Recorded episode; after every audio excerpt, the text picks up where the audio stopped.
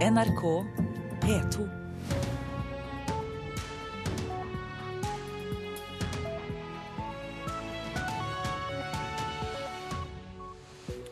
Nyhetsmorgen får du i radioen din nå. Her i studio, Øystein Heggen. Nå 6.30 onsdag onsdag 21.1 er dette våre hovedsaker. I sin tale om rikets tilstand framhevet USAs president Barack Obama bedringen i amerikansk økonomi. Our economy is growing and creating jobs at the fastest pace since 1999. Frykt for massekartlegging av små barn gjennom endringene i barnehageloven. Og at uh, lovverket nå åpner opp for at kommuner kan pålegge barnehagestyrere å kartlegge med ett spesielt verktøy på alle barn. Steffen Handal, nestleder i Utdanningsforbundet. Slaveri og undertrykkelse. Løslatte jesidier fra Irak forteller om IS' overgrep. Den økonomiske krisen er over i USA, det sa president Barack Obama i talen om rikets tilstand i natt. Han lovet å styrke middelklassen, bl.a. ved skattelettelser og støtte til barnefamilier. Han truet også med å bruke presidentens vetorett overfor forslag fra Kongressen. Know this. The shadow of crisis has passed, and the state of the union is strong. Skyggen av krise er over, og rikets tilstand er god.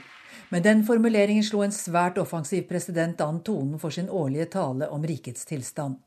Barack Obama snakket på en måte som ikke tok hensyn til at begge kamrene nå er kontrollert av republikanerne, og henvendte seg til USAs lavere middelklasse med en rekke reformer som neppe vil passere Kongressen.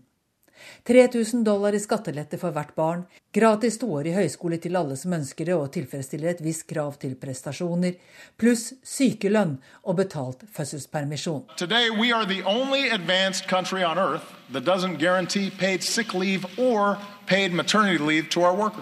Vi er det eneste utviklede landet som ikke garanterer betalt sykefravær og mammapermisjon til våre arbeidere. 43 millioner arbeidere er uten sykelønn, sa presidenten, og oppfordret Kongressen til å foreslå en lov om rett til sju dagers betalt sykefravær. For øvrig vil Obama legge fram en ny plan for å bekjempe IS i Syria og Irak, og han lovet å legge ned veto mot forsøk på å endre helseforsikringsreformen og forslag om nye sanksjoner mot Iran så lenge det pågår forhandlinger. Groholm, Washington. Og tidligere utenrikskorrespondent Joar Hoel Larsen, du har også sett og hørt talen om rikets tilstand. Og vi er jo vant til å høre Barack Obama, den store folketaleren. Hvordan var framføringen i natt? Ja, så knyttes jo alltid store forventninger til det. Og etter at eh, demokratene tapte mellomvalget nå i november, og Obama både var upopulær og nærmest eh, avskrevet, så var det en slags fornyet utgave av Obama mer energisk, eh, mer optimistisk. Dette var mer av den gode, gamle Obama, slik man husker ham fra, fra eh, kampanjen i 2008, da han ble valgt første gang. Eh, disse første talene hvor, hvor han virkelig var, som du sier, folketaleren. Amerikanerne har ikke sett så mye av det i de årene han har vært president. Det var en kommentator som kalte det en seiersrunde, selv om han da altså ikke har så veldig mye å, å feire rent politisk.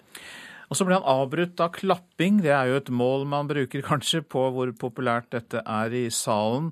68 eh, ganger ble han avbrutt. Stående applaus 33 ganger. Forteller dette oss noe?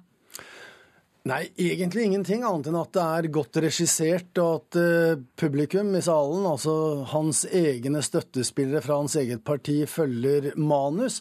Det er jo nesten slik at applausen er skrevet inn i manus. Det er klart, Det gir et godt lydbilde, det tar seg godt ut på TV når et begeistret publikum reiser seg og klapper, men uh, dette har de altså da nærmest fått beskjed om. De som lytter i salen, altså republikanerne, som, uh, som ikke er tiltenkt noen aktiv rolle som klakører, de reagerer på det som blir sagt. Og når Obama snakker om helsereform, immigrasjonsreform, gratis college, høyere skatter, trusler om veto osv., tilnærming til Cuba, så får ikke det republikanerne til å applaudere. Nei, Du nevner jo en rekke enkeltsaker, og det hørte vi også i innslaget fra Gro Holm, eh, som han altså tok opp i talen til Nasjonen. Men når du nevner dette med republikanerne og demokratene, hvem som sitter stille og hvem som klapper aktivt, eh, var det da først og fremst en partipolitisk tale? Altså, dette er jo en tale som er ment til, til, forsvar for presidentens eh, prestasjoner det siste året.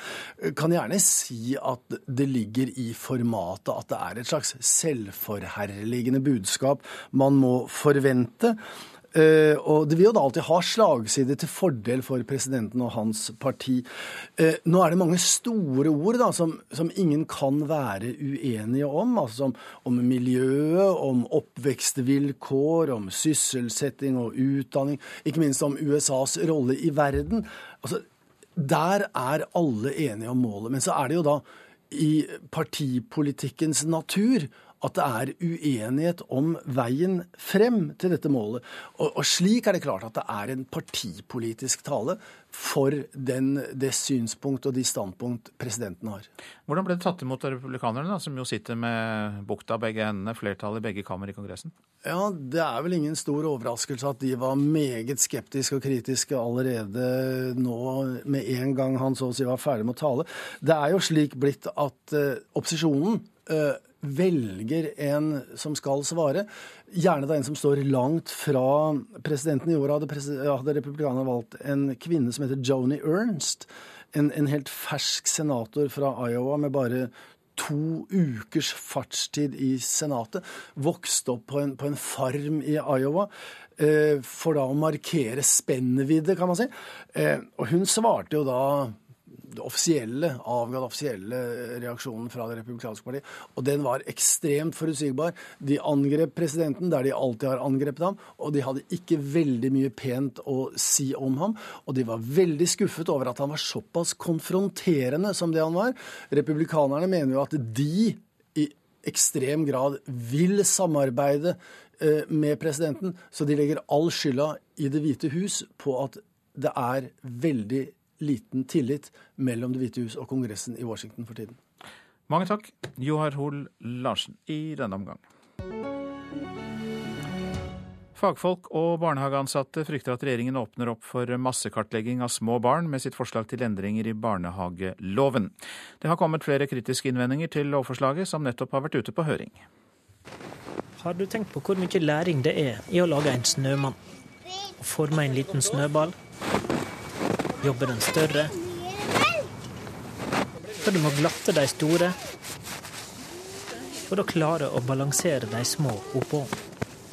Det har Eivor Evenrud. Hun jobber som barnehagelærer i Oslo. Nei, når vi er ute og bygger snømann, så ser jo et av barna står og ser lenge på snømannen. Eh, så kommer han bort og sier disse som er runde, og som vi har plassert oppå hverandre, da er det viktig at den største er nederst, ellers så vil det velte når vi har kommet på toppen. Leik gir læring, sier hun. I barnehagen så er alt øh, veldig lekpreget, og det mener jeg helt klart at den fortsatt bør være. Men hun er en av de som frykter at et nytt lovforslag kan føre til mer skolepreg i barnehagen. Til mer kartlegging og til mer dokumentasjon og rapportering. Det, er noe med, det, har kommet inn en sånn slags bølge hvor man tenker at man skal putte mest mulig inn tidligst mulig for at alle skal være klare. Det er jo arbeidslivet det gjerne snakkes om, ikke livet, men arbeidslivet. Hun har sendt ei underskriftsliste i protest til kunnskapsministeren. For i forslaget til ny barnehagelov blir ansvaret for kartlegging og vurderingssystem lagt hos eierne, altså kommuner og private eiere. Det er langt borte fra lekekroken mener også fagforeninga Utdanningsforbundet. Og nestleder Steffen Handal tror dette prinsippet vil føre til en stor endring i Barnehage-Norge. Nei, Jeg tror at flere kommuner vil pålegge barnehager å drive en spesiell type kartlegging, uten at de gjør en grundig vurdering av om det er nødvendig, og hvilke kartleggingsverktøy som skal brukes. Fagforeninga mener de som jobber i barnehagene ser best hva slags og hvor mye kartlegging små barn trenger. Alle barn trenger ikke kartlegging. Det er Datatilsynet enig i. I sitt høringssvar spør de om dette faktisk er ei brei innføring av ferdighetsmåling i barnehagene. Forskere og barnehagetilsatte har engasjert seg i sosiale medier og kronikker, og også fra regjeringa sin samarbeidspartner KrF kommer innvendinger. Jeg er redd for at barnehagelærerne er nødt til å måtte bruke mer tid på rapporteringer og på ting som eh, gjør at tiden sammen med barna blir mindre sier stortingsrepresentant Geir Jørgen Bekkevold. Men Kunnskapsminister Torbjørn Røe Isaksen sier han slett ikke mener å åpne for massekartlegging av barn. Noen ser, frykter en utvikling som, som, jeg i hvert fall ikke er for. Jeg er ikke for at barnehagen skal bli en slags miniskole. Jeg er ikke for at vi skal ha en obligatorisk kartlegging av alle barn i Norge pålagt av staten. Jeg er ikke for at vi skal ha en barnehagehverdag hvor barnehagelærerne blir detaljstyrt på alle bauger og kanter. Men jeg er for at vi rydder opp i lovverket og har et klart og tydelig ansvar for kvalitet og innhold. Reporter Håvard Grønli og kartlegging eller ei, kunnskapsministeren møter Utdanningsforbundet til debatt om dette i Politisk kvarter om en time og fem minutter. Natt til mandag ble seks soldater på Setermoen beordret til å løpe ute i 20 minusgrader uten sko eller klær. Soldatene fikk første og andre grads frostskader, og tre av dem ble sendt til eh, Universitetssykehuset i Nord-Norge i Tromsø. Dette er bare trist, sier oberst i Brigade Nord, Fred Arne Jacobsen. Det er noen medsoldater, vernepliktige, som har tatt seg litt til rette med andre medsoldater og hatt dem ute i kulda, på barbeint og tynnkledd, som har medført eh. Tre av dem er nå eh, på hund for å sjekke alvorlighetsgraden av det. Det er bare en trist, trist historie hvor det får, får, varige konsekvenser for noen som er inne til, til førstegangstjeneste. og det, Sånn er jo overhodet ikke akseptabelt. Så dette syns vi er skikkelig leit og saken etterforskes av eh, militærpolitiet. Ei ung jente ble brutalt ranet av to maskerte menn på Oppegård jernbanestasjon i går kveld. Gjerningsmennene tok tak i jenta og rettet et våpen mot hodet hennes. En av ranerne truet med å drepe jenta hvis hun ikke ga fra seg mobilen. Så til eh, avisforsidene. Folk i Kyrksæterøra i Sør-Trøndelag er redde etter vedtaket om å tvangsflytte mulla Krekar til bygda, skriver Dagbladet skal gå greit å ta ansvar for Krekar, sier ordfører Ståle Våg i Hemne til Adresseavisen. Hvis storsamfunnet er livredde for å ha Krekar i Oslo, så får vi i lille Hemne ta ansvaret, sier Våg. Politiets sikkerhetstjeneste har advart mot Krekars rolle som rådgiver og mentor for unge islamister i hovedstaden, ifølge VG. Flere av de som har besøkt ham, dannet seinere den ekstreme gruppa Profetens Umma. Lave renter eh, fører til pensjonssmell for SAS, kan vi lese i Dagens Næringsliv. Utgiftene til pensjon øker med flere milliarder kroner, og eksperter mener at behovet for ny egenkapital i SAS nærmer seg. Vi kan ikke tvinges til å gjøre noe som strider mot vår moral, sier leger ved Akershus universitetssykehus til Dagsavisen. Nå må alle offentlige sykehus tilby rituell omskjæring av eh, nyfødte med men 13 av 15 kirurger ved Ahus sier nei. Advarer mot å gi politiet utvidet adgang til å overvåke mobiltelefoner. Aftenposten forteller at Advokatforeningen og Nasjonal kommunikasjonsmyndighet mener regjeringen går for langt i å gripe inn mot folks personvern og rettssikkerhet. Norge avviser FN, men vi kjemper for Nato, er oppslaget i Klassekampen. Siden 1990 har Norge sagt nei til å delta i 20 FN-ledede operasjoner. Vi betaler FN, men sender de militære styrkene til Nato, sier oberstløytnant Tormod Heier. Sov på jobb, gikk fra pasientene, kom stadig for seint. Det førte til at Stavanger kommune sa opp avtalen med en fastlege. Nå går legen rettens vei og krever millionerstatning, skriver Stavanger Aftenblad. For lite kunnskap hos politiet fører til for lave straffer for dyremishandling, sier Mattilsynet til Nasjonen. Politiet anklages eh, for å kunne for lite om dyr, og at de legger for liten vekt på dyrevelferd. Nettsorgen bryter løs, kan vi lese i Vårt Land. Terskelen er blitt lavere for å uttrykke sin beklagelse på Facebook når noen dør. Den nærmeste familien kan fort miste kontrollen. Men det har de kanskje godt av, sier Birgitte Lerheim, som har studert hvordan sorg uttrykkes på sosiale medier. Overraskende for mange så løslått den islamske staten IS i helgen 150 syke og eldre fra jesidi-folket i Nord-Irak. Nå forteller de overlevende historier om overgrep, undertrykkelse og slaveri. I familier uten menn gikk de enda hardere frem. De solgte alle, kvinner, eldre, til og med barn. Det er en ung kvinne som forteller. Hun har dekket ansiktet og ønsker ikke å fortelle hva hun heter.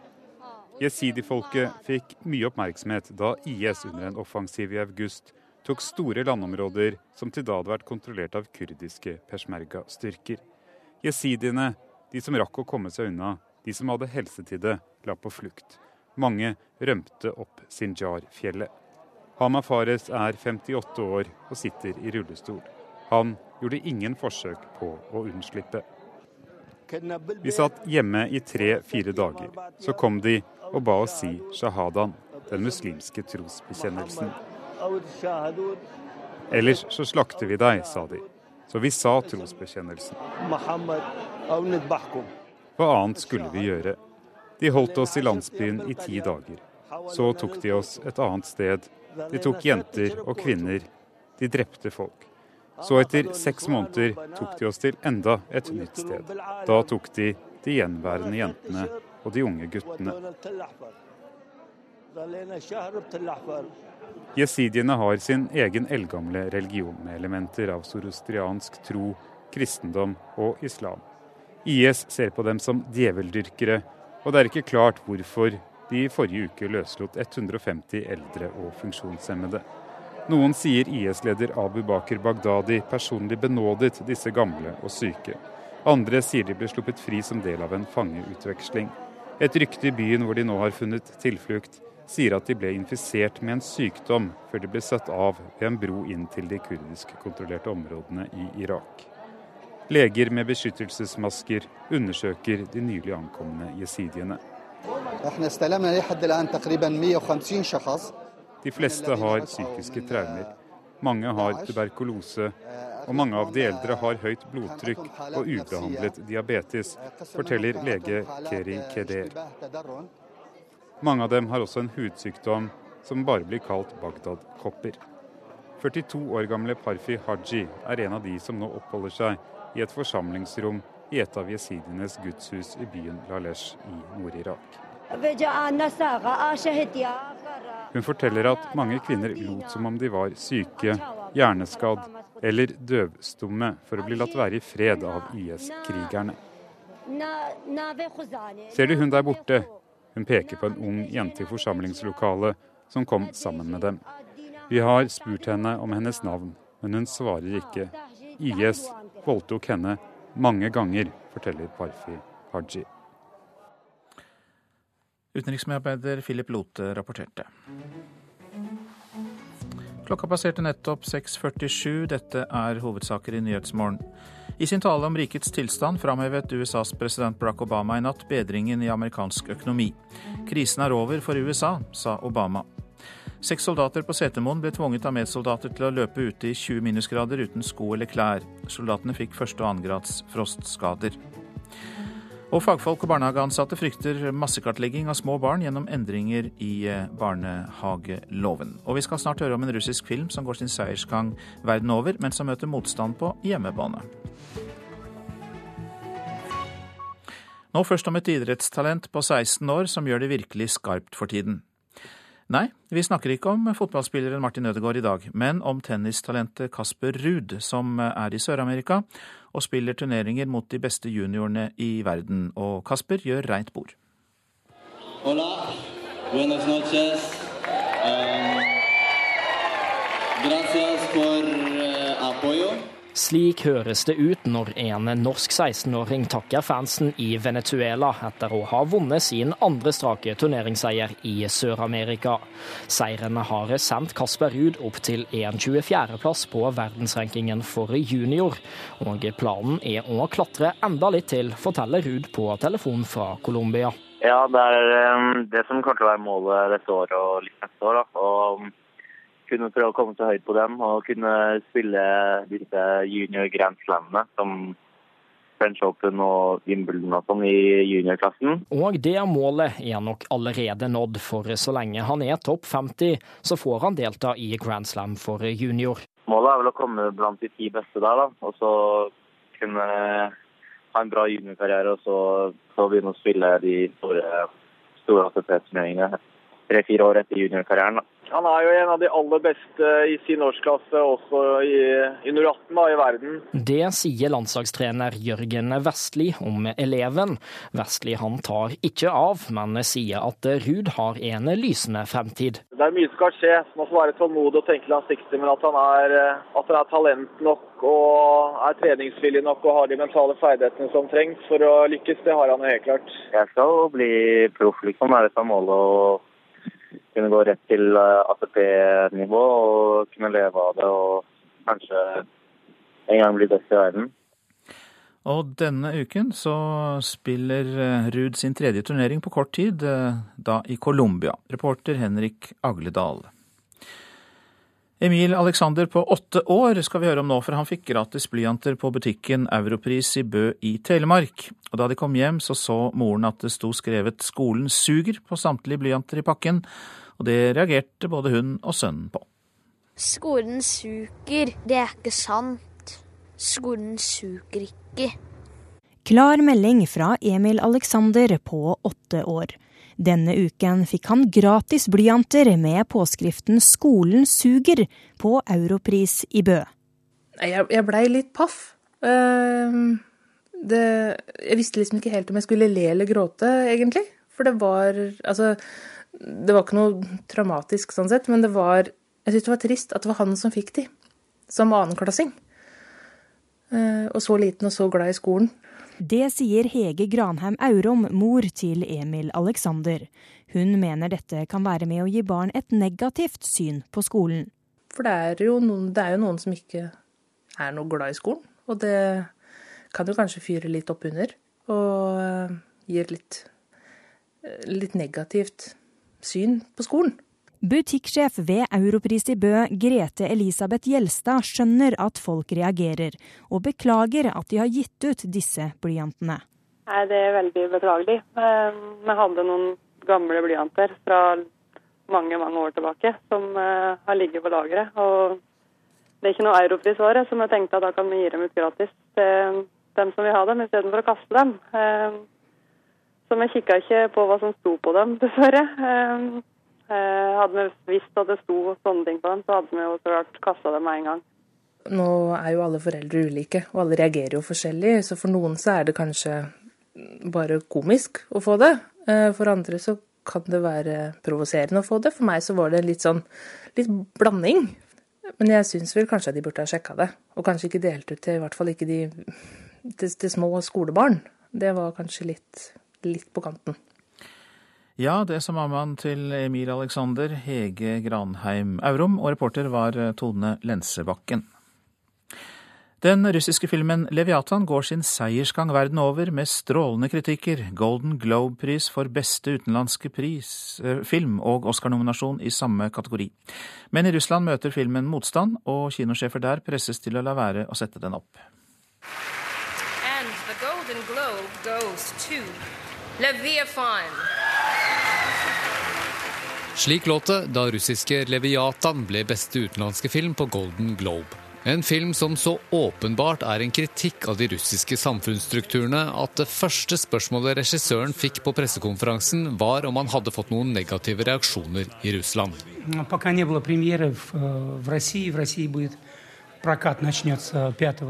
Ikke så langt, men filmen har premiere 5.2, så vi får se, svarte Andrej Svøgensef. Men det var meget diplomatisk formulert. Det er flere myndighetspersoner som har gitt eh, uttrykk for at denne filmen bør man ikke se. Sier Lene Wetteland i Den norske Helsingforskomité. Hun sier at både kirken, lokale myndigheter i Murmansk, der handlingen utspiller seg, og sentralmakten har forsøkt å hindre at filmen blir vist. Til og med Kulturministeren, som jobber i det departementet som ga støtte til filmen, har sagt at dette er ikke en film jeg liker.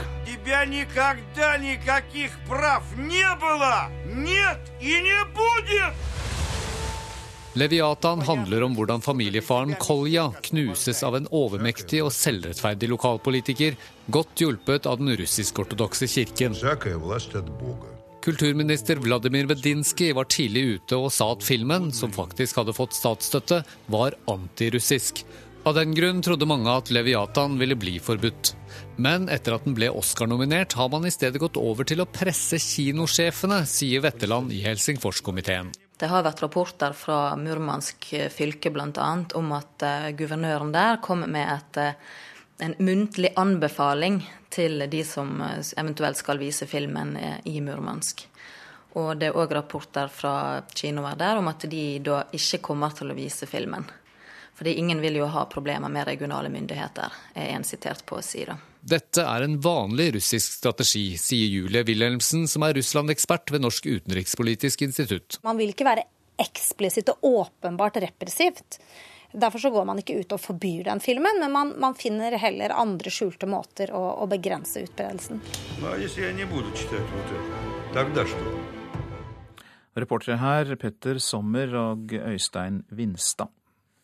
Språkrådet er ikke lenger relevant for folk, mener Kjell Lars Berge, som var kandidat til direktørstillingen i rådet i 2011. Berge mener Språkrådet, som nå søker ny direktør, har blitt til en organisasjon for kommaregler, og ikke noe mer. Språkrådet tenderer nå til å være en organisasjon som ivaretar eh, språksystemet vårt. Altså et organ liksom for kommaregler, for å spissformulere veldig.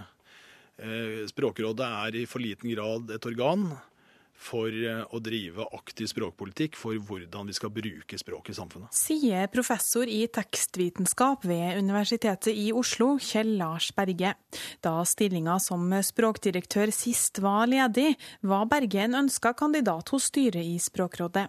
Daværende kulturminister Anniken Huitfeldt valgte likevel å ikke innstille Berge. Da det ble forlenga søknadsfrist, så tenkte jeg dette er kanskje for meg likevel. Så leste jeg stillingsutlysninga nøye og fant ut at ja, jeg tilfredsstiller jo disse kravene her. Jeg prøver. Det sa Arnfinn Murvik Vonen da han ble valgt til språkdirektør i 2011. Han har nå sagt opp sin stilling to år før åremålet utløper, og Språkrådet starter i dag letinga etter en ny kandidat. Berge ønsker ikke å søke på nytt. Han mener at stillinga ikke lenger er attraktiv fordi Språkrådet har mista sin relevans. Det er ikke styreleder i Språkrådet, Ottar Grepstad, enig i. Jeg tror det er 10 000 som årlig tar kontakt med Språkrådet for å få hjelp i store og små språkspørsmål, har et annet svar på dette enn Kjell Asperger.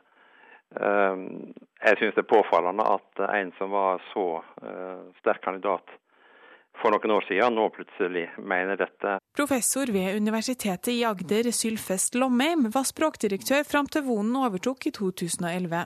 Han synes Språkrådet er relevant, og stiller seg uforstående til Berges kritikk.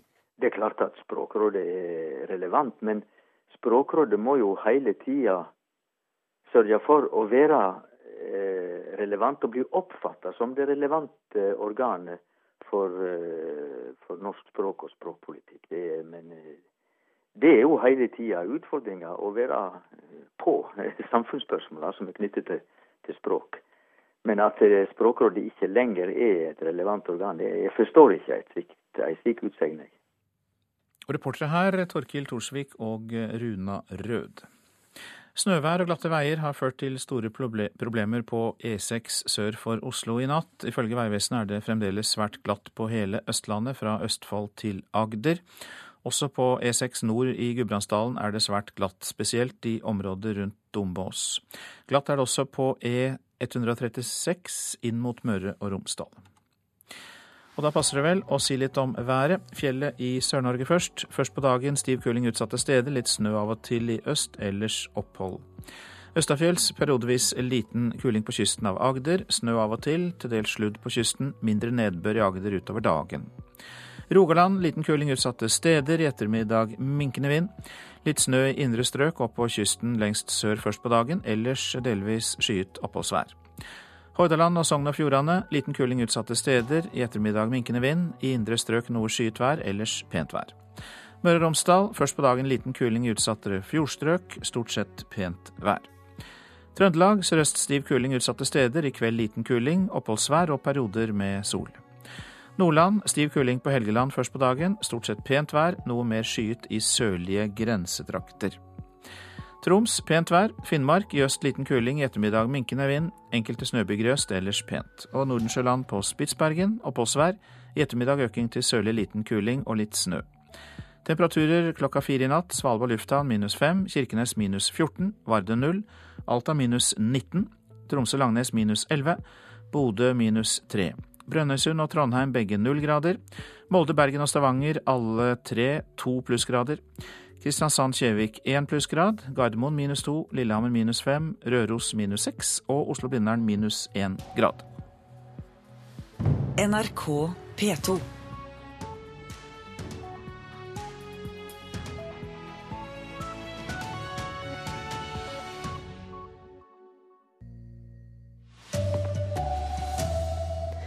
Flere soldater på Setermoen har fått frostskader etter at de var tvinga til å springe nakne ute i 20 minus. Regjeringa vil ha flere veier med 110 km fartsgrense. Her er NRK Dagsnytt klokka sju.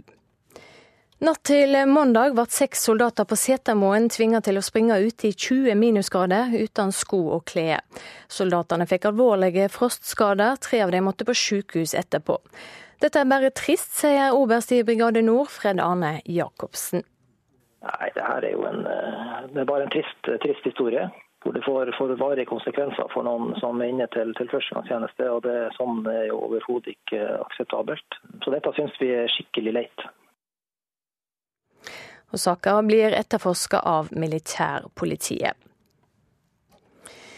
Regjeringa vil ha flere veier med fartsgrense på 110 km i timen. I tillegg kan det være aktuelt med vinterfartsgrenser på enkelte strekninger. Det sier statssekretær Bård Hoksrud i Samferdselsdepartementet. Ei arbeidsgruppe i Vegdirektoratet vurderer å innføre et helt nytt fartsgrensesystem her i landet.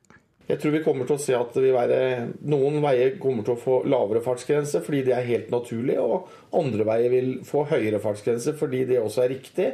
Og da tror jeg også folk vil få mye mer respekt for de fartsgrensene man har, fordi man føler at det er riktig fartsgrense i forhold til den veien man kjører. Det aller viktigste er å sikre at trafikksikkerheten er ivaretatt på best mulig måte. I USA har president Barack Obama i natt snakka om rikets tilstand. Dette er en tale som blir fulgt av hele verden, og hva var det viktigste Obama la vekt på, korrespondent Groholm? Ja, Det er uten tvil en rekke forslag som skal gi økt sosial sikkerhet for eh, lavere middelklasse. Skattelette på 3000 dollar for hvert barn for barnefamilie, det er 23 000 kroner. Sykelønn i inntil sju dager for 43 millioner arbeidstakere som ikke har sykelønn i dag, og betalt fødselspermisjon. I tillegg så foreslår han gratis høyskoleutdanning for rundt 9 millioner eh, ungdommer. og Dette er radikale forslag. Eh, dessuten så sier han at han vil legge ned veto dersom Kongressen foreslår å endre på helseforsikringsreformen hans, og hvis Kongressen foreslår å innføre nye sanksjoner mot Iran. Takk skal du ha, Gro Holm. Og det blir mer om dette straks på Nyhetsmorgen på P2. Politiets tryggingstjeneste skal ha vært uroa for at mulla Krekars rolle som mentor for unge islamister i Oslo. Det var en av årsakene til at Krekar skal bosettes i Sør-Trøndelag. Flere av de PST har observert som besøkende hjå Krekar da han bodde i Oslo, skal senere ha blitt med i den ekstreme gruppa Profetens Umma. NRK Dagsnytt, Silje Sande. Regjeringen vil endre flere fartsgrenser, hørte vi i Dagsnytt. Hva sier Trygg Trafikk? Det får du høre i Nyhetsmorgen. Giftige stoffer påvist i flere typer matemballasje. 180 000 kvinner under 30 år kan risikere å bli midlertidig ansatt når nye regler kommer, frykter Unio. Og vi skal analysere Barack Obamas tale til nasjonen i natt. Ja, som hørt i Dagsnytt, så skal det ryddes opp i fartsgrensene her i landet, ifølge statssekretær Bård Hoksrud i Samferdselsdepartementet. Vi kan få vinterfartsgrenser, og flere veier kan få 110 km i timen. Jeg tror vi kommer til å se at være, noen veier kommer til å få lavere fartsgrense fordi det er helt naturlig, og andre veier vil få høyere fartsgrense fordi det også er riktig. Og da tror jeg også folk vil få mye mer respekt for de fartsgrensene man har, fordi man føler at det er riktig fartsgrense i forhold til den veien man kjører på. Egentlig har vi bare to fartsgrenser i Norge, 50 i tettbygd strøk og 80 på landeveien. Greit nok på 70-tallet, men ikke i dag. Derfor har vi fått mange særskilte fartsgrenser i mellomtiden. 30, 40, 60, 70, 90, 100 og nå sist 110. Det er innføringen av 110 som har ført til at Vegdirektoratet på oppdrag fra departementet vurderer hele fartsgrensesystemet på nytt. Mange opplever det f.eks. som ulogisk at nye hovedveier kan ha lavere fartsgrenser enn mindre lokale veier. Hoksrud legger ikke skyld på at det skal bli flere strekninger med 110. Ja, Vi jobber for at de beste motorveiene vi har, de, der bør det være 110 km. Og vi har allerede satt opp på noen. Og det kommer flere framover også. Til våren får etter all sannsynlighet nye E6 nord for Oslo 110-sone, selv om veien er uten belysning. Det har vært eh, noen av de diskusjonene som har kommet, er nettopp det at ikke det er eh, lys på, på veien. Det er på, de, på alle de andre veiene hvor vi nå åpna for 110 km i timen. Men både i Danmark og Sverige så har man jo veldig lite lys på motorveiene. Og de har mye høyere fartsgrense enn det vi har i Norge. Så i utgangspunktet eh, legger vi opp til at det også blir 110 km fra våren på den nye E6-en. Ja, det er helt passelig. Det er en fart som du føler er behagelig? Ja. Det virker som de slipper, slipper litt høyere fart til, og jeg syns det kan være OK på de nye veiene iallfall. Ja, hvis veiene er gode nok, så syns jeg det er helt greit. 110 er naturlig på de beste veiene, mener altså disse bilistene. Men Veidirektoratet skal ta flere hensyn når de nå har den største gjennomgangen av fartsgrensen her i landet på rundt 50 år. Stikkord er fremkommelighet, miljø og ikke minst trafikksikkerhet. På enkelte strekninger med vanskelige klimatiske forhold kan det bli egne vinterfartsgrenser, sier Hoksrud. Og Da kan det hende at man må sette ned fartsgrensa på vinteren, men, men, på sommeren så tåler veien fint å ha en høyere fartsgrense. Og man da kanskje kan sette opp fartsgrensa. Eh, så det med differensierte fartsgrenser er noe vi har vært positive til. Kunne du tenke deg vinterfartsgrenser noen steder? Det tror jeg trengs. Nei. Uh, Syns jeg ikke er noe vits i. Man kjører etter forholdene. Uansett. Ja. Og vår reporter der ute i trafikken, det var Hans Jørgen Solli. Tori Grytli, god morgen til deg. God morgen. Du er fagsjef og nestleder i Trygg Trafikk. Og hva mener du og dere er det viktigste myndighetene må tenke på når de skal vurdere nytt fartsgrensesystem? Ja, For det første så er vi jo veldig glad for at eh, det skal være en helhetlig gjennomgang av fartsgrensesystemet. Det tror vi er nødvendig. Og eh, det har skjedd mye på veinettet siden de forrige fartsgrensene ble fastsatt. Og vi vet mye mer om konsekvenser av fart. Eh, så Sånn sett så er det veldig bra at dette kommer. Eh, det vi er opptatt av, er jo nettopp det Hoksrud sier, at du skal få en variasjon i forhold til eh, veistandarden og den opplevelsen folk har av det. Men det er jo mange ting som ligger til grunn for dette her, og det er jo ikke sånn at folks opplevelse av fartsgrensene er det som skal være styrende for faktisk fast, eh, fastsettelse av det. Det er ikke alltid man kjenner sitt eget beste. Nei, det er vel derfor vi har noen begrensninger rundt omkring på flere områder. Men eh, dette forslaget da med flere veier med 110 fartsgrense, hva syns dere i Trygg Trafikk? Ja, I utgangspunktet så var jo vi kritiske til å heve fra 100 til 110. Eh, men nå er dette de sikreste veiene vi har, og økningen i ulykker er jo helt marginal. Eh, så, så, det er ikke et problem, et stort problem at eh, fartsgrensene settes opp til 110. Eh, men vi er jo opptatt av at de da faktisk følger veinormalene når de setter opp fartsgrensene. Og hvis de da ikke har belysning, som Hoksrud her nevner, så følger de jo ikke sine egne veinormaler, og det er jo vi kritiske til. Så 110 på E6 nord for Oslo er dere skeptiske til? Ja, det er vi i utgangspunktet, fordi de følger ikke sine egne veinormaler. Men så har vi jo dette med denne standard fartsgrensen utenfor eh, tettbygde strøk som er på 80. Hvis dere skal tenke høyt, eh, bør den fortsatt være det etter at man har gjennomgått systemet? Nei, vi mener jo at en av de tingene de bør se på i denne gjennomgangen, er å sette denne fartsgrensa ned fra 80 til 70. Og bakgrunnen for det er at uh, dette er, har man funnet ut er den farts, uh, farten man kan overleve i i en frontkollisjon. Så vi kaller det nullvisjonsfartsgrense, fartsgrense, i den forstand at da har man større sannsynlighet for å overleve. Eh, da kan man sette den eh, som en generell fartsgrense utenfor tettbygde strøk, og så skilter man opp på de strekningene som er egnet for det, istedenfor det motsatte som man gjør i dag, at man har en 80 fartsgrense, og så setter man ned der man mener at det er risikofullt. Men det ble nevnt i innslaget her at eh, folk også bør få mer respekt for fartsgrensen. At de da ser at OK, her kan jeg kjøre så så fort. Mener du at det forslaget ditt om 70 som en generell regel vil føre til mer respekt for fartsgrensen? Ja, men Jeg tror ikke nødvendigvis at det blir så veldig stor forskjell på sånn som det er i dag. Men, men poenget er at man tar i utgangspunkt i en fartsgrense på veier der det ikke er midtdeler, som man vet at folk kan overleve i hvis man krasjer eh, front mot front. Og så kan man skilte opp der det er gode forhold, der det er lite trafikk, og der ulykkessituasjonen tidligere har vært sånn at man kan forsvare det. Så dukket opp noe nytt eh, for meg i hvert fall her, nemlig vinterfartsgrenser i Norge. Hva syns du om det? Ja, Det tror jeg er et poeng at man prøver ut. Vi har jo vært opptatt av at man skal ha mer differensierte fartsgrenser, både i forhold til sommer-vinter, men kanskje også til og med i løpet av vinteren eller i løpet av sommeren, hvis det, hvis det er store endringer. Mange takk skal du ha, Tori Grytli, som altså er fagsjef og nestleder i eh, Trygg Trafikk. Nå om matpapir og emballasje som inneholder stoffer som kan skade helsa vår. Det viser nemlig en undersøkelse Norsk institutt for vannforskning, NIVA, har gjort for forbrukerinspektørene. I 10 av 30 innpakninger som ble testet, fant de fluorerte stoffer, som det heter, og forskere frykter at de kan gi en rekke negative helseeffekter. Her er fagleder i NIVA, Kine Beck.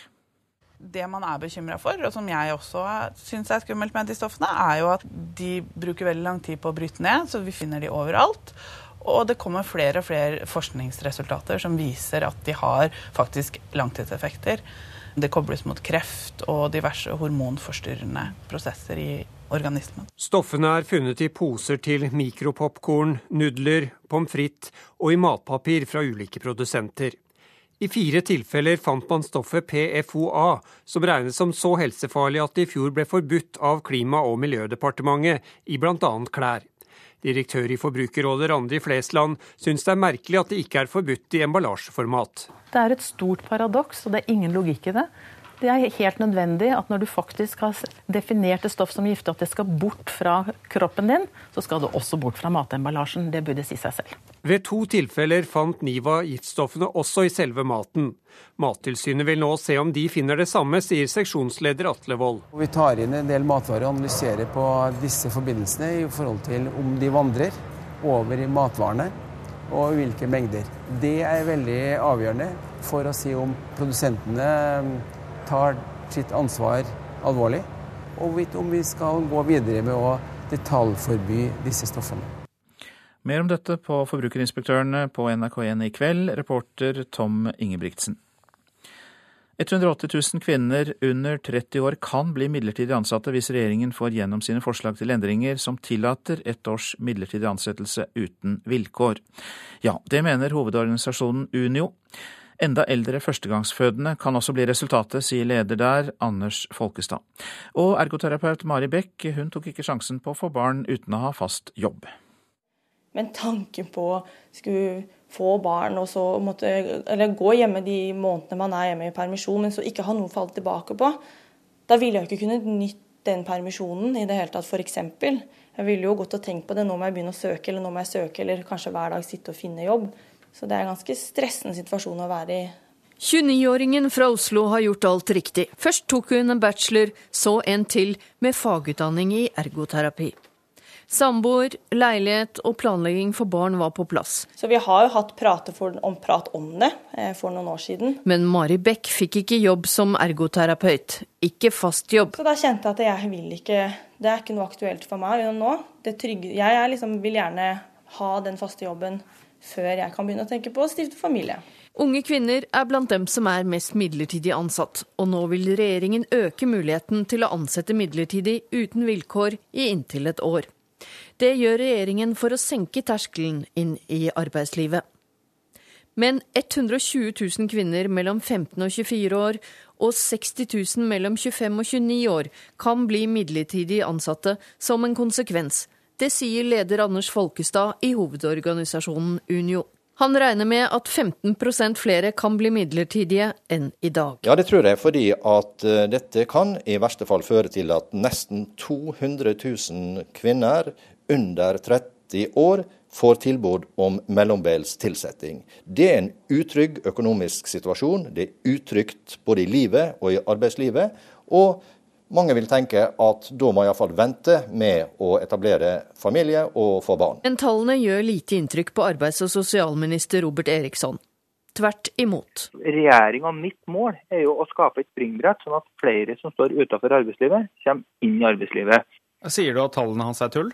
Ja, det er ingenting som uh, viser Vi klarer iallfall ikke i departementet eller jeg å finne ut hvor han har disse tallene fra, hvordan han har klart å beregne de.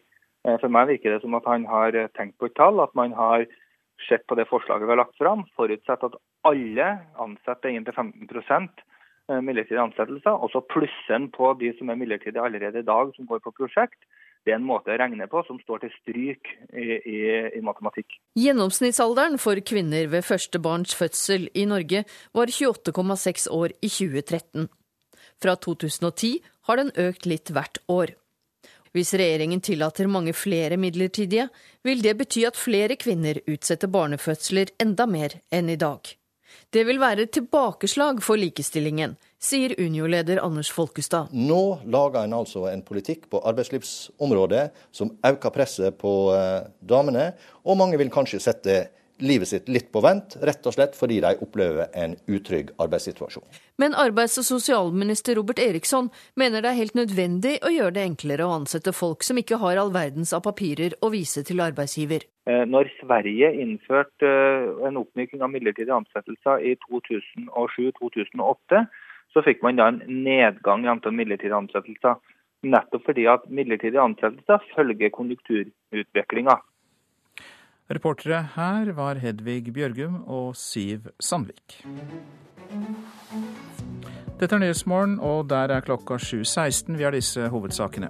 Regjeringen vil vurdere egne fartsgrenser om vinteren og flere 110-soner. Nestleder i Trygg Trafikk, Tore Grytli, er positiv til vinterfartsgrenser, men mener at den generelle fartsgrensen bør settes ned fra 80 til 70 km i timen her i landet. I sin tale om rikets tilstand fremhevet USAs president Barack Obama i natt bedringen i amerikansk økonomi. Krisen er over for USA, sa Obama. Mer om det ganske straks. Giftige stoffer påvist i flere typer matemballasje. For USA kan nemlig ta fatt på et nytt kapittel, sa president Barack Obama i sin tale til Kongressen om rikets tilstand i natt. Han friskmeldte USAs økonomi og utfordret republikanerne ved å foreslå skatteøkninger for de aller rikeste. Det var en energisk og kampvillig president som forsvarte sine embetsgjerninger og utfordret opposisjonen.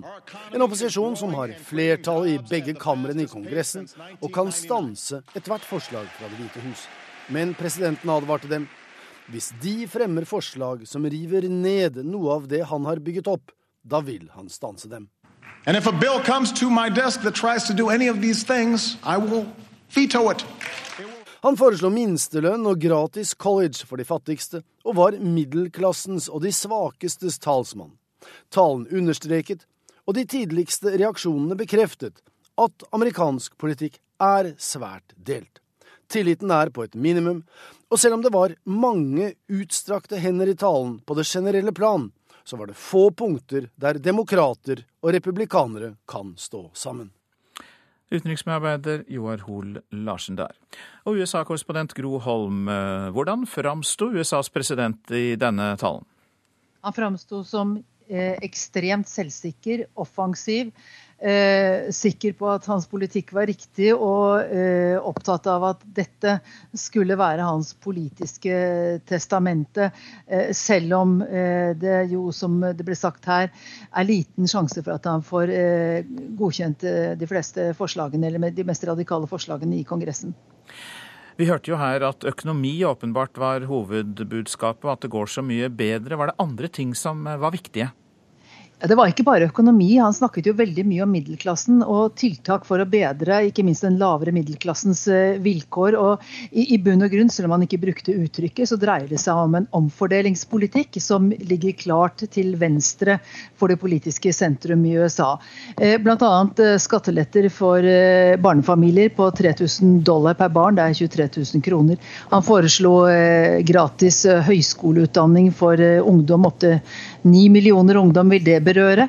Det han egentlig snakket lite om, men som har jo lekket ut fra Det hvite hus, eller blitt sendt ut fra Det hvite hus i forkant av talen, er at han også foreslår en skatteskjerpelse eh, som er ganske kraftig, på 320 milliarder dollar de neste ti årene. Og Det går på skjerpelse av skattene for de aller rikeste, på skatt, eller forsøk på å unndra beskatning for eh, arv, eh, og, og i det hele tatt å tette en del smutthull som de aller rikeste har i økonomien. I hvilken grad kan da denne talen påvirke Kongressen, for der har jo republikanerne bukta av begge endene. Det har flertall både i Senat og Representantenes hus. Ja, Det har vært ganske negative kommentarer nå etterpå. Det eneste var at den, den personen som republikanerne valgte til å kommentere Obamas tale, eh, hun snakket ikke så veldig mye om Obamas tale, men hun, hun åpnet litt for å, å, kunne være med på å tette smutthull i skattesystemet. Og eh, gikk ikke noe konkret inn på det, men der er det nok noe rom for forhandlinger. Men det er klart at eh, de, de, de forslagene som har klarest omfordelingsprofil, det er ikke noe den republikansk dominerte kongressen vil akseptere. Men de eh, hadde jo da eh, de var viktige for Obama i talen, åpenbart, disse omfordelingsspørsmålene. Men rakk han ut noen eh, hånd til republikanere med tanke på samarbeid? Han gjorde det verbalt og sa at han ville samarbeide med Kongressen. Eh, men i praksis så var det vel ingenting av det han sa som, som, du kan si at det var et konkret forslag som Kongressen kunne akseptere. Eh, bortsett da fra eh, at han sa at han ville be Kongressen om nye fullmakter til til, militære, til bruk av makt mot IS, som han sa. Det er selvfølgelig noe som Kongressen vil kunne gå med på. Men i innenrikspolitikken så var det ikke noe konkret. Og Da fremstår det på en måte som et fromt ønske, som, som er litt som å si at eh, jo, jeg vil gjerne samarbeide med dere, men jeg gjør det bare hvis dere kan gjøre det eh, på mine premisser. Hvis dere, som det ble sagt her tidligere, ikke river ned noe av det jeg har bygget opp. Og støtter, hvis dere støtter grunntanken, nemlig en styrket middelklasse. Og så gjorde Obama et poeng av at han ikke skal føre flere valgkamper. Preget det talen? Ja, det er helt klart. Han eh, var jo veldig defensiv i høst, like før kongressvalget, fordi han visste at han var en belastning for mange demokratiske kandidater, ikke minst eh, senatorer, eh, som sto på valg, og han holdt seg unna. Og nå er det ikke kongressvalg i år og ikke noe presidentvalg, han skal ikke gjenvelges. og Det er jo en del her som har spurt seg om hvis han hadde stått fram som han gjorde i dag i forkant av kongressvalget i høst, kunne det kanskje ha hjulpet Eh, flere. Eh, han eh, var på en helt annen måte offensiv, framsto som sterk og handlekraftig i dag. Mange takk skal du ha, USA-korrespondent Gro Holm. Japans statsminister Shinzo Abe krever at IS løslater to japanske gisler, etter at en ny video av dem ble lagt ut på nettet i går. IS krever 200 millioner dollar i løspenger for å slippe dem fri.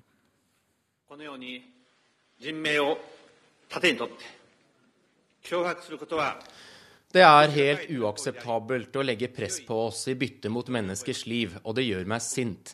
Jeg oppfordrer på det sterkeste til at gislene frigis uten at de blir skadet, sier statsminister Shinzo Abe på vei hjem fra Midtøsten til Japan for å håndtere gisselkrisen landet nå har havnet i.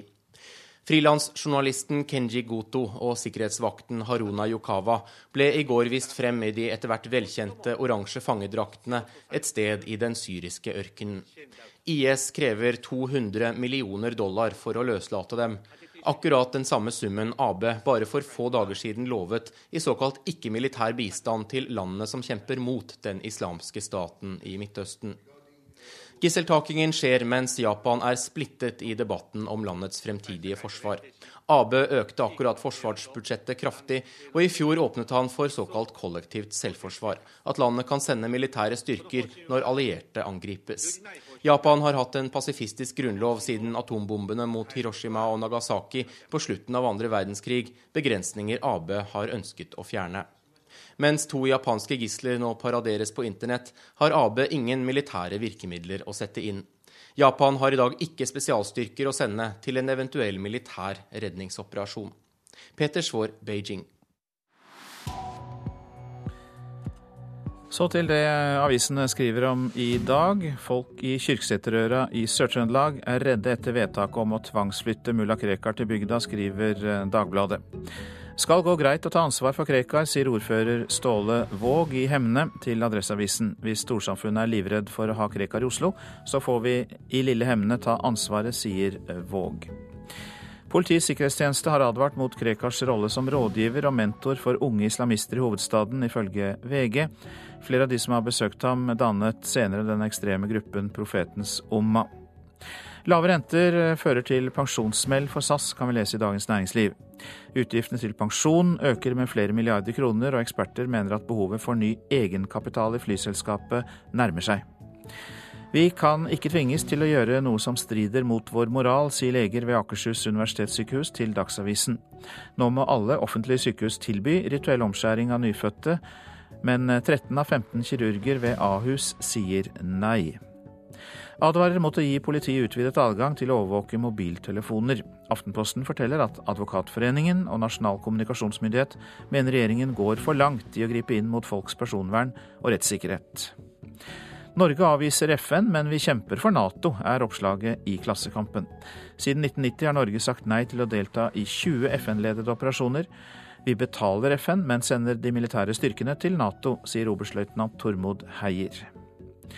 Sov på jobb, gikk fra pasientene, kom stadig for seint. Det førte til at Stavanger kommune sa opp avtalen med en fastlege. Nå går legen rettens vei og krever millionerstatning, skriver Stavanger Aftenblad. For lite kunnskap hos politiet fører til for lave straffer for dyremishandling, sier Mattilsynet til Nasjonen. Politiet anklages for å kunne for lite om dyr, og at de legger for liten vekt på dyrevelferd. Nettsorgen bryter løs, kan vi lese i Vårt Land. Terskelen er blitt lavere for å uttrykke sin beklagelse på Facebook når folk dør. Den nærmeste familien kan fort miste kontrollen. Men det har de kanskje godt av, sier Birgitte Lerheim, som har studert hvordan sorg uttrykkes på sosiale medier. Det er mye holke for tida og høysesong for beinbrudd, og denne vinteren kan det se ut til at det er enda mer enn vanlig. På St. Olavs hospital i Trondheim har de hatt rekordmange pasienter med beinbrudd til behandling. Første is og første ofre. Du falt på isen? Ja. Omer Avgadic er til kontroll hos lege Knut Johannessen ved skadepoliklinikken ved St. Olavs hospital. Han brakk foten var, før jul. Jeg var i Karlsens gate, og når jeg kom til den helsesenter, det var is. Ja, det er et vanlig ankelbrudd da, som vi behandler uten operasjon. Dvs. Si han får gips i seks uker. Ja. Og det er vel gått seks uker nå, kanskje? Ja, det jeg tror Kanskje litt nå. Uten gips. Uten gips, ja. Gipsen skal bort nå. Og det er spesielt mange i år som er i en lignende situasjon som Omer. Det forteller seksjonssjef ved skade traume poliklinikken ved St. Olavs, Ragnhild Skårstad. Ja, vi hadde en veldig travel eh, desember. Da kom det masse is og glatt i Trøndelag og Trondheim, og da kom det veldig mange pasienter inn til oss. I eh, romjula så hadde vi rekord i antall eh, pasienter. Vi hadde over 100 pasienter. Eh, kontrollpasienter, vel å merke, på to dager. Eh, og det var en, en rekord, ja. Men du, hva, hva, slags type beinbrudd er det snakk om? Nei, det, Man kan jo brekke alle beina i kroppen. Eh, så, men håndleddsbrudd og, og, beinbrudd, altså i foten, da. Eh, anklene er jo det som er mest av. Og så har vi en del albuer, fingre, eh, tær og de mindre bruddene. Skal jeg gjøre med dette her, da, mener du? Eh, skal alle kjøpe brodd, eller er det strøing som mangler? Hva, hva, er det? Det er jo vinter i Norge. Jeg tror at For å unngå det, så tror jeg nok kanskje at man, man må strø litt bedre. Vi ser jo det at det er fryktelig glatt. Det hjelper veldig med brodder, det gjør det. Da kan man gå ganske trygt. Mm. Eh, men det er jo en del som, som glir. når de bare skal ut med søpla. Altså det er jo det dagligdagse Folk er jo ikke ute på langturer. De, eh, de drar på små, kjappe turer og glemmer seg og sånn. Så det er vel vanskelig å få det helt bort, tror jeg. Og denne reportasjen var laget av Magnar Branseth. Nå er svensk Nato-medlemskap på dagsorden. Moderaternas nye leder eh, satte straks Nato på dagsorden. Det kan du høre mer om i reportasjen etter Dagsnytt. Arbeidsmiljøloven og forslag om midlertidige ansettelser skaper debatt i Politisk kvarter mellom LO-lederen og NHO-sjefen.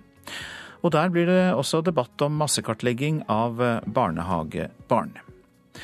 Prosent for Nyhetsmorgen i dag, Marit Selmer Nedrelid. Her i studio, Øystein Heggen. Og så minner vi om at uh, du kan sende e-post til adressen 03030 krøllalfa nrk.no hvis du har tips eller kommentarer. Altså til e-postadressen 03030 krøllalfa nrk.no.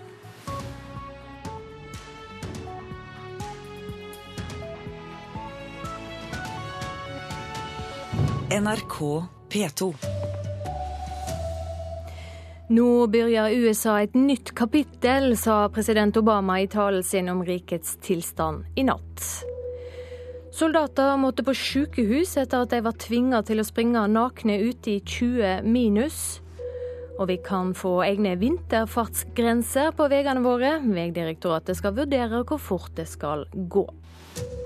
God morgen, her er NRK Dagsnytt klokka 7.30. Den økonomiske krisen er over i USA. Det sa president Barack Obama i talen sin om rikets tilstand i natt. Han lova å styrke middelklassen, bl.a. ved skatteletter og støtte til barnefamilier. Obama trua også med å bruke vetoretten sin. Know this. The shadow of crisis has passed, and the state of the union is strong. Skyggen av krise er over, og rikets tilstand er god. Med den formuleringen slo en svært offensiv president an tonen for sin årlige tale om rikets tilstand. Barack Obama snakket på en måte som ikke tok hensyn til at begge kamrene nå er kontrollert av republikanerne, og henvendte seg til USAs lavere middelklasse med en rekke reformer som neppe vil passere Kongressen. 3000 dollar i skattelette for hvert barn, gratis toårig høyskole til alle som ønsker det og tilfredsstiller et visst krav til prestasjoner, pluss sykelønn og betalt fødselspermisjon.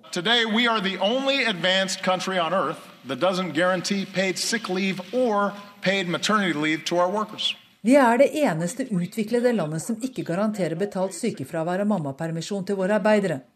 43 millioner arbeidere er uten sykelønn, sa presidenten, og oppfordret Kongressen til å foreslå en lov om rett til sju dagers betalt sykefravær.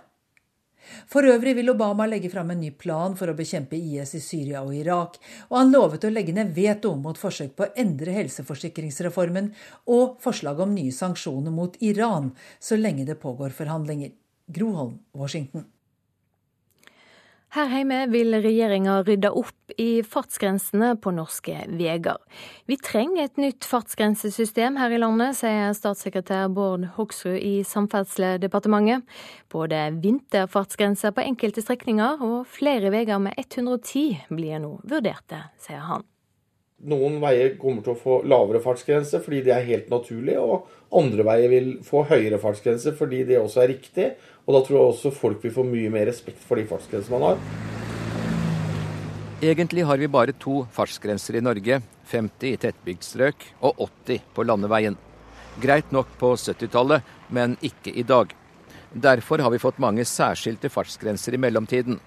30, 40, 60, 70, 90, 100 og nå sist 110. Det er innføringen av 110 som har ført til at Vegdirektoratet på oppdrag fra departementet vurderer hele fartsgrensesystemet på nytt. Mange opplever det f.eks. som ulogisk at nye hovedveier kan ha lavere fartsgrenser enn mindre lokale veier. Hoksrud legger ikke skjul på at det skal bli flere strekninger med 110. Ja, Vi jobber for at de beste motorveiene vi har, de, der bør det være 110 km. Ja, det er helt passelig. Det virker som de slipper, slipper litt høyere fart til, og jeg syns det kan være OK på de nye veiene iallfall. Hvis veiene er gode nok, så syns jeg det er helt greit. 110 er naturlig på de beste veiene, mener altså disse bilistene. Men Vegdirektoratet skal ta flere hensyn når de nå har den største gjennomgangen av fartsgrensen her i landet på rundt 50 år. Stikkord er fremkommelighet, miljø og ikke minst trafikksikkerhet. På enkelte strekninger med vanskelige klimatiske forhold kan det bli egne vinterfartsgrenser, sier Hoksrud.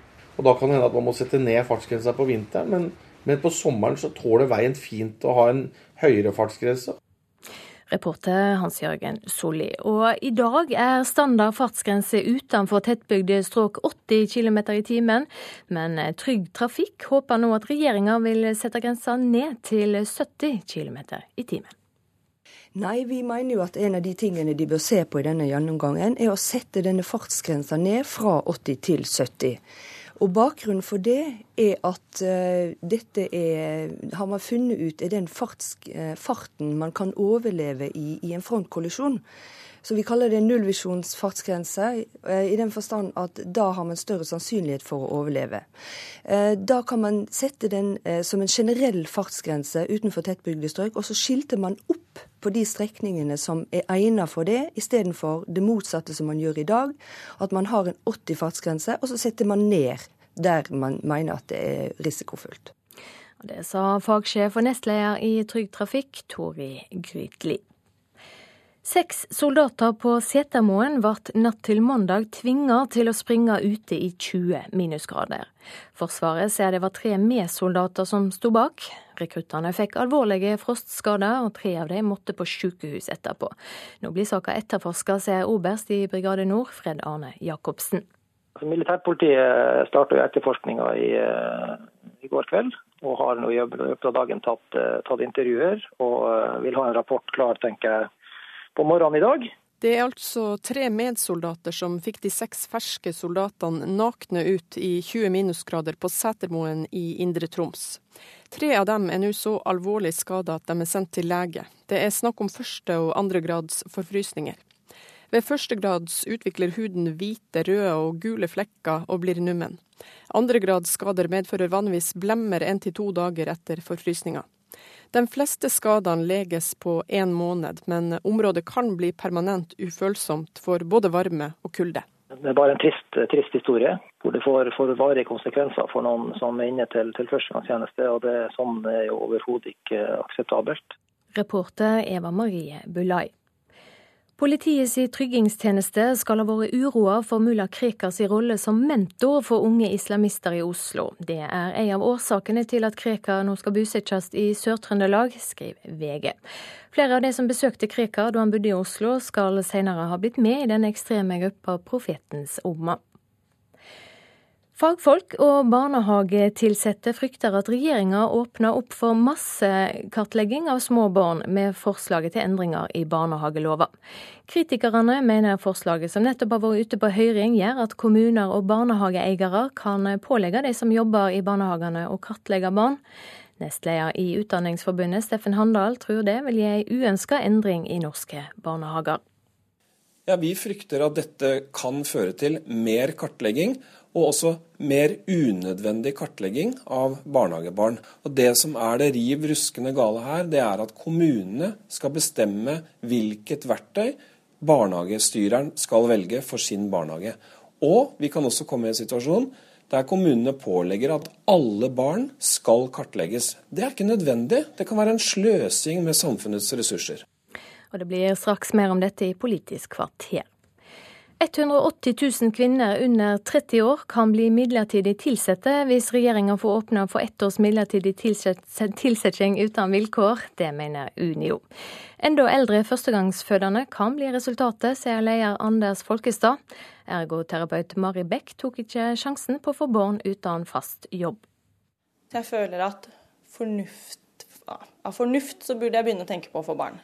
29-åringen fra Oslo har gjort alt riktig. Først tok hun en bachelor, så en til med fagutdanning i ergoterapi. Samboer, leilighet og planlegging for barn var på plass. Så vi har jo hatt for, om prat om det eh, for noen år siden. Men Mari Beck fikk ikke jobb som ergoterapeut. Ikke fast jobb. Så da kjente jeg at jeg vil ikke Det er ikke noe aktuelt for meg nå. Trygge, jeg liksom, vil gjerne ha den faste jobben før jeg kan begynne å tenke på å stifte familie. Unge kvinner er blant dem som er mest midlertidig ansatt, og nå vil regjeringen øke muligheten til å ansette midlertidig uten vilkår i inntil et år. Det gjør regjeringen for å senke terskelen inn i arbeidslivet. Men 120 000 kvinner mellom 15 og 24 år og 60 000 mellom 25 og 29 år kan bli midlertidig ansatte som en konsekvens. Det sier leder Anders Folkestad i hovedorganisasjonen Unio. Han regner med at 15% flere kan bli midlertidige enn i dag. Og mange vil kanskje sette livet sitt litt på vent, rett og slett fordi de opplever en utrygg arbeidssituasjon. Men tallene gjør lite inntrykk på arbeids- og sosialminister Robert Eriksson. Tvert imot. Jeg reagerer litt på den måten eh, Anders Folkestad regner på. Det virker som at han har holdt fingeren i været og tenkt på et tall. Eh, det er ukjent for både meg og departementet hvordan han har kommet fram eh, til det tallet. Eh, når Sverige innførte eh, en oppmyking av midlertidige ansettelser i 2007-2008, så fikk man da en nedgang i antall midlertidige ansettelser. Nettopp fordi at midlertidige ansettelser følger konjunkturutviklinga. Reportere Hedvig Bjørgum og Siv Sandvik. Ansvarlig for Dagsnytt denne morgenen, Anne Skorseth. Teknisk ansvarlig, Hanne Lunås. I studio, Silje Sonde.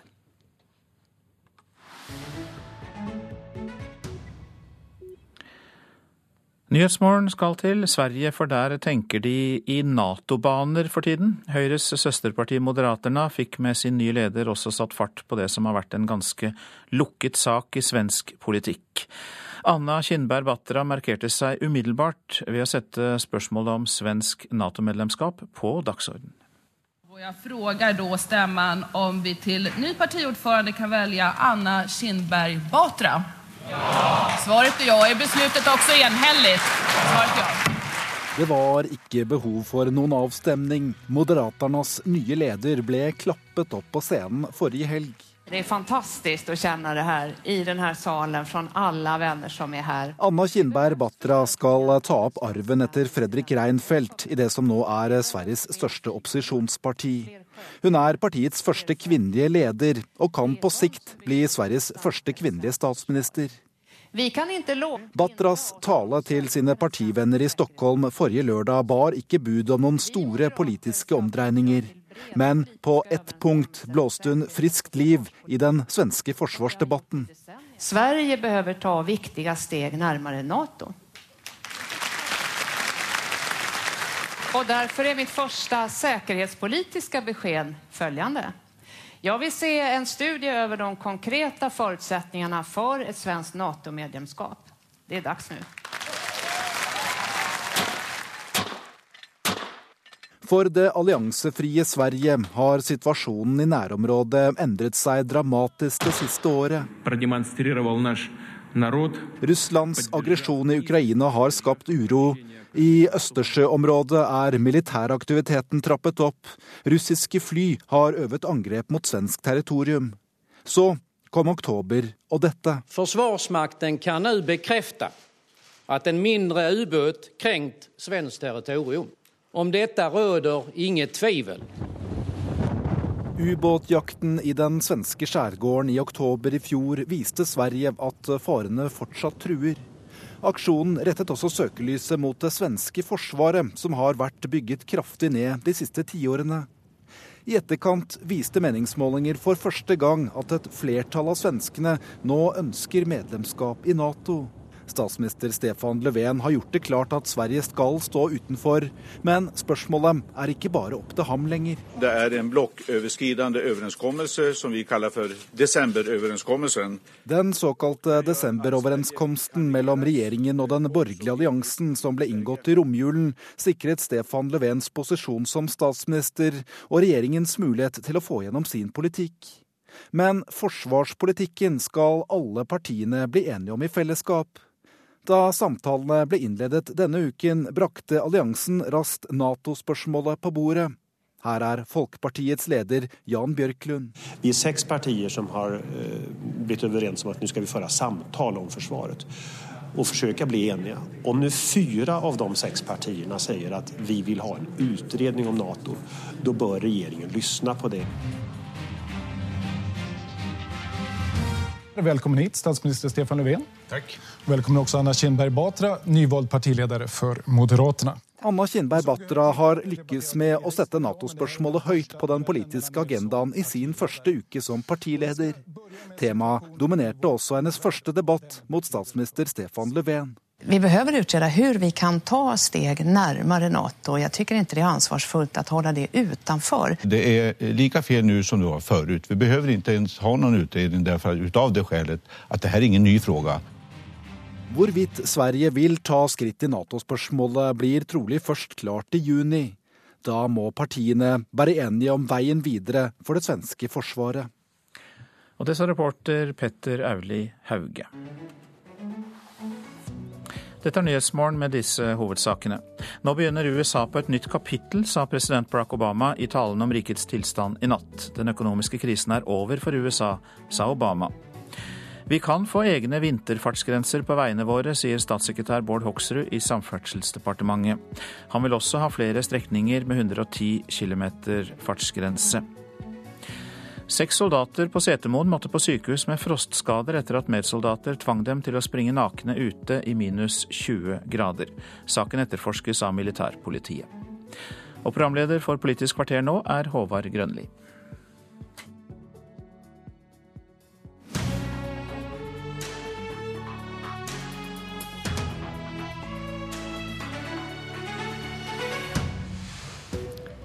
LO sprer myter om den nye arbeidsmiljølova, mener NHO. Mens kunnskapsministeren mener kritikerne frykter ei barnehageutvikling han aldri har tatt til orde for. Fagforeningene stiller i Politisk kvarter for å kjempe mot to nye lover, og får motstand her i studio.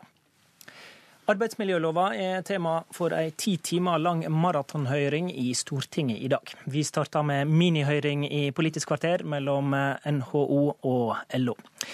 NHO-sjef Kristin Skogen Lund, hva mener du er den verste myten LO har etablert om den nye arbeidsmiljølova?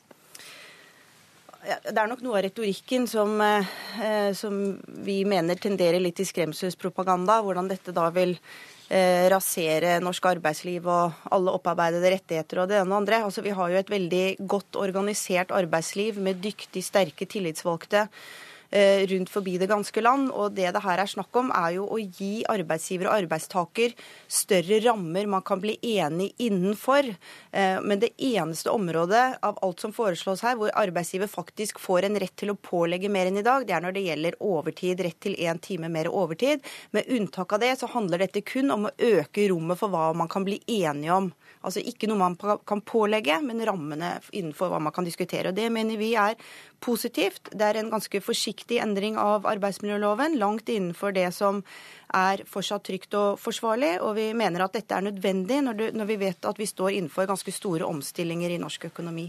LO-leder Gerd Kristiansen, dere bruker kanskje litt vel store ord om hvor ille dette skal bli?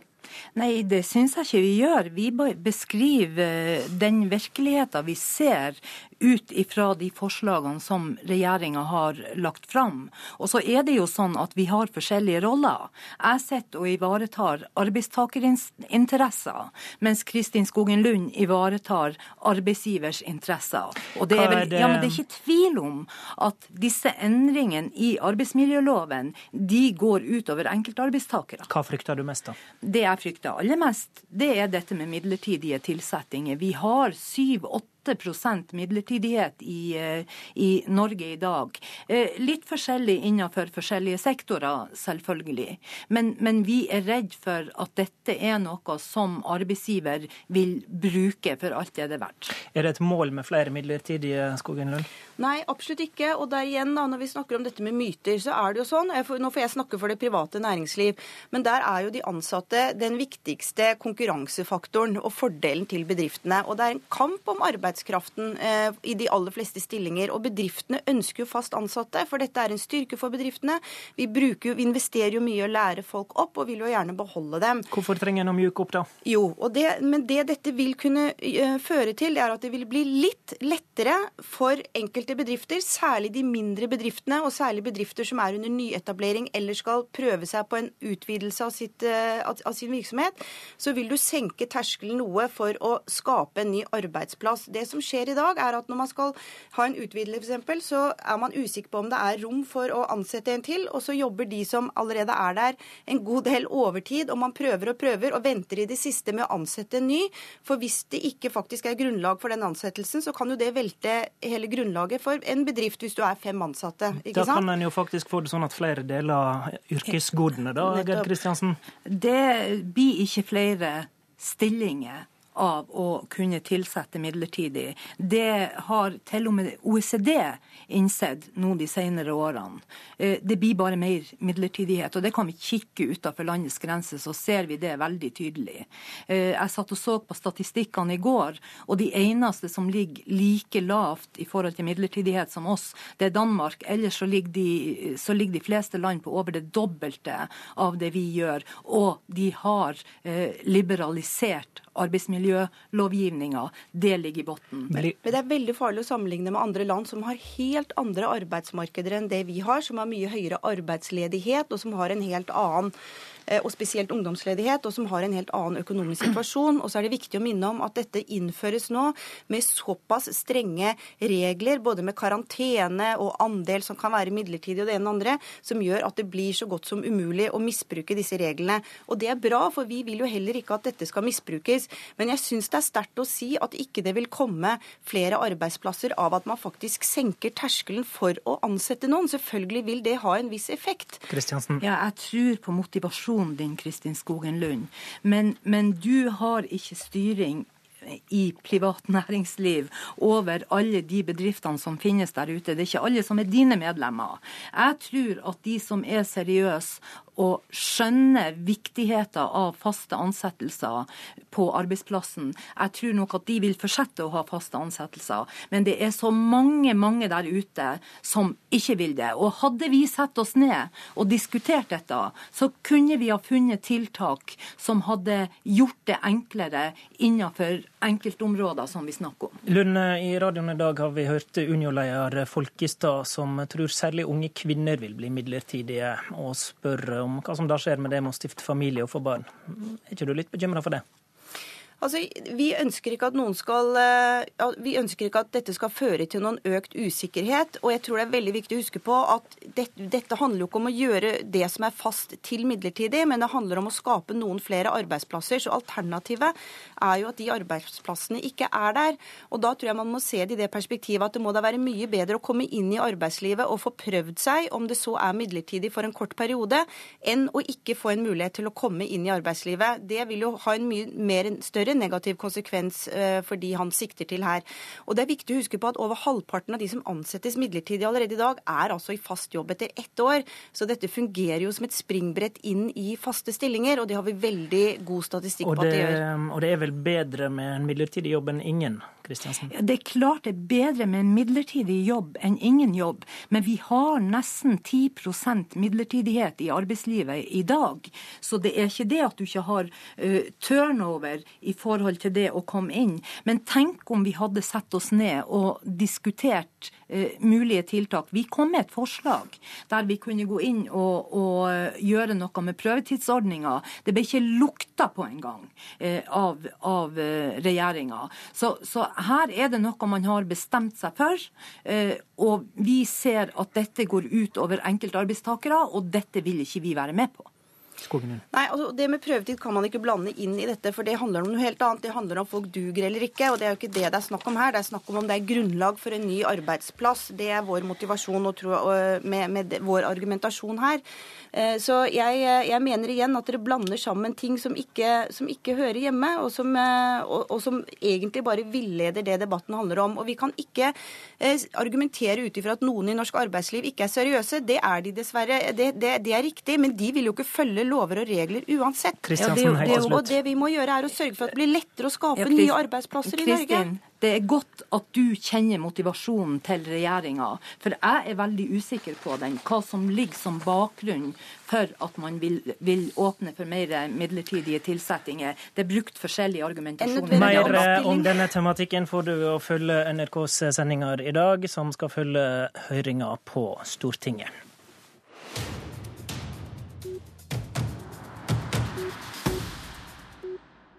Kunnskapsministerens forslag til ny barnehagelov skaper eh, reaksjoner. Eh, kritikerne i høringsrunden mener den nye lova i praksis åpner for massekartlegging av eh, små barn i norske barnehager.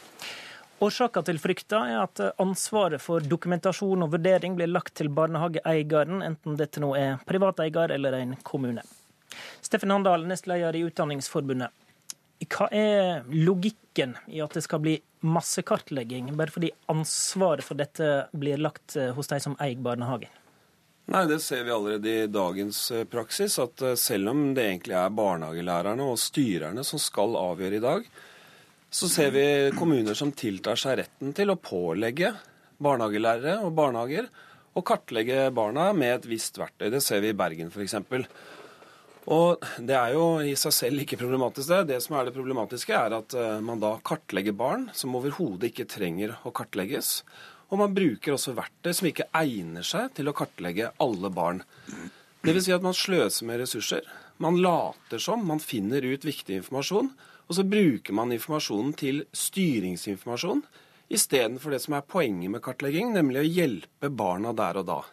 Kunnskapsminister Torbjørn Røe Isaksen, ser du denne mulige konsekvensen av ditt forslag? Nei, den konsekvensen ser jeg ikke. Rett og slett fordi at det forslaget vi har kommet med eh, om, om, dokumentasjon, eh, pålegger eh, ikke barnehagene verken å kartlegge mer eller mindre. Men så er det tre ting egentlig jeg har lyst til å understreke. og Det første er at vi har fått eh, mange innspill i høringsrundene. Utdanningsforbundet er kritiske, Datatilsynet er kritiske. Samtidig så er de store, store barnehagene, eh, barnehageeierne, er veldig positive. Men vi må da avveie og se på om det er gode argumenter, og det er det åpenbart også fra de som er kritiske. Så punkt to, så Det vi ønsker å gjøre noe med, det er jo at omtrent 10% sannsynligvis av barna som begynner på skolen i Norge, de kan ikke norsk godt nok. Altså det vil si at de har ikke, de har ikke godt nok utvikla norsk språk til å kunne følge undervisninga. Og I det øyeblikket du kommer i første klasse, så har vi jo f.eks. det som heter kartleggingsprøver. Da sjekker vi alle elevene. Hvorfor gjør vi det? For å finne ut hvem som trenger ekstra hjelp og oppfølging. Nei, så kommer ikke vi hvis jeg bare kan si ferdig, Steffen, så kommer, vi kommer ikke til å foreslå noe obligatorisk statlig kartlegging av alle barn. Det syns jeg er helt enig at det er dårlig bruk av ressurser. Men vi har lyst til å rydde opp i lovverket og regelverket. Så Den siste tingen det er at hvis vi skal heve kvaliteten i barnehagen, så må vi også gjøre noe med Eh, gjøre noe med eh, situasjonen for ansatte. Det er for få barnehagelærere. Det trenger vi mer av. Vi trenger bedre utdanning for styrere. Det tror jeg var punkt fire av tre. Steffen Håndal. Det er ingen her som diskuterer om vi skal kartlegge. Eh, vi mener at det skal kartlegges. Vi mener at barn som trenger det, skal kartlegges. Og det er også sånn at eh, fag, Din egen fagetat sier jo at det, for det første så finnes det ingen verktøy som egner seg til bruk på alle barn. Hvordan skal da en kommune pålegge eh, et, eh, en barnehage å bruke ett verktøy? Det virker helt tåpelig. Og det andre er at de sier at noen av disse verktøyene er direkte uheldige til bruk f.eks. på minoritetsspråklige barn. Poenget mitt er at det, det er fornuftig det er fornuftig at det er barnehagene selv som ser på barna i den situasjonen de er i, og avgjør om et barn trenger kartlegging. Du skal være klar over at det, det, er faktisk en kamp der ute, Torbjørn. og Det virker litt sånn blåøyd å tro at nei, dette kommer til å gå seg til. Nei, det gjør ikke det. Den utviklingen som du selv frykter av massekartlegging av barn, den ser vi jo i flere og flere kommuner. Jeg var overrasket da vi spurte våre folk hvor mange kommuner som, som allerede gjør dette uheldige vedtaket om å pålegge barnehager å bruke noen verktøy. Eh, du legger til rette for mer av det. Isaksen, svar tydelig på én ting. Vil du mm. ha mer kartlegging, eller vil du ikke ha mer kartlegging? Nei, jeg, jeg, mener at eh, de, altså jeg er jo enig med Utdanningsforbundet at de barna som trenger kartlegging, må få det. For dem så ønsker jeg mer. Der, der er vi enige. Eh, men jeg er ikke tilhenger av at vi skal innføre et slags standardisert system for kartlegging av alle barn i barnehagen. Rett og slett fordi jeg mener det er, eh, det er å bruke veldig mye ressurser uten at det fungerer. Men er ikke det det du i praksis åpner for, da? I Nei, og det er her, det her, det her uenigheten ligger. og Der er det nok rett og slett eh, sånn at Kunnskapsdepartementet og Utdanningsforbundet er uenige om hvordan virkeligheten ser ut. Vi, vi, vi, sier, og det står veldig klart også i høringsuttalelsen, at det vi har foreslått nå, vil verken føre til mer eller mindre kartlegging i seg selv. Men det det innebærer, og det er helt riktig, det er at det er lov for kommunene å si at de skal ha kartleggingsverktøy i sin kommune. Dagens, er... dagens rettssituasjon er helt grei. Det er du som vil endre på den. Og det er du som vil åpne opp for at Bergen og andre kommuner kan gjøre denne uvet, disse uvettige vedtakene. Hva vil du gjøre med Bergen? Men, men, men Steffen, hvis jeg kan spørre om noe, så er det jo sånn at i dag så har Bergen innført kartlegging for for altså, eh, si det litt enkelt, ja, for alle barn i barnehagen. Frykter. Jo, men altså, Det er jo tillatt i, med dagens lovverk og dagens system. Ja, så det, det, det vi burde gjøre er ingen, endre... Jeg har ikke hørt noen vurdering av at det er ulovlig. Men, men Isaksen, så... det betyr at døra står på gløtt. Da kan du velge om du vil lukke den eller åpne den helt. Nei, altså det betyr veldig enkelt at det som skjer med kartlegging i barnehagen, som Utdanningsforbundet er for, som jeg er for, at det skal være kartlegging, primært for de barna som trenger det mest, det må ha en hjemmel i lov. Og når vi skal jobbe med kvaliteten i barnehagen, så jobber vi med flere barnehagelærere, bedre videreutdanningssystemer. Vi jobber med ny rammeplan for å sikre at det er en best mulig kvalitet for barna som kommer dit. Og vi jobber med å rydde opp i lovverket. Men når det er sagt, så skal vi lytte til de innspillene som har kommet fra Utdanningsforbundet. for der er det gode poeng. Dette lovforslaget legger til rette for en utvikling som statsråden selv frykter. Det er svært uklokt. Det er det beste for barnet at det er barnehagelærerne og styrerne som ser det enkelte barn, som avgjør hvilket verktøy som skal brukes, og om det skal brukes. Noe annet det vil være å irritere. Det vil være å, eh, å skape uheldige situasjoner der ute. Striden om barnehagelova er ikke over, men Politisk kvarter er over. I studio, Håvard Grønli. Hør flere podkaster på nrk.no podkast.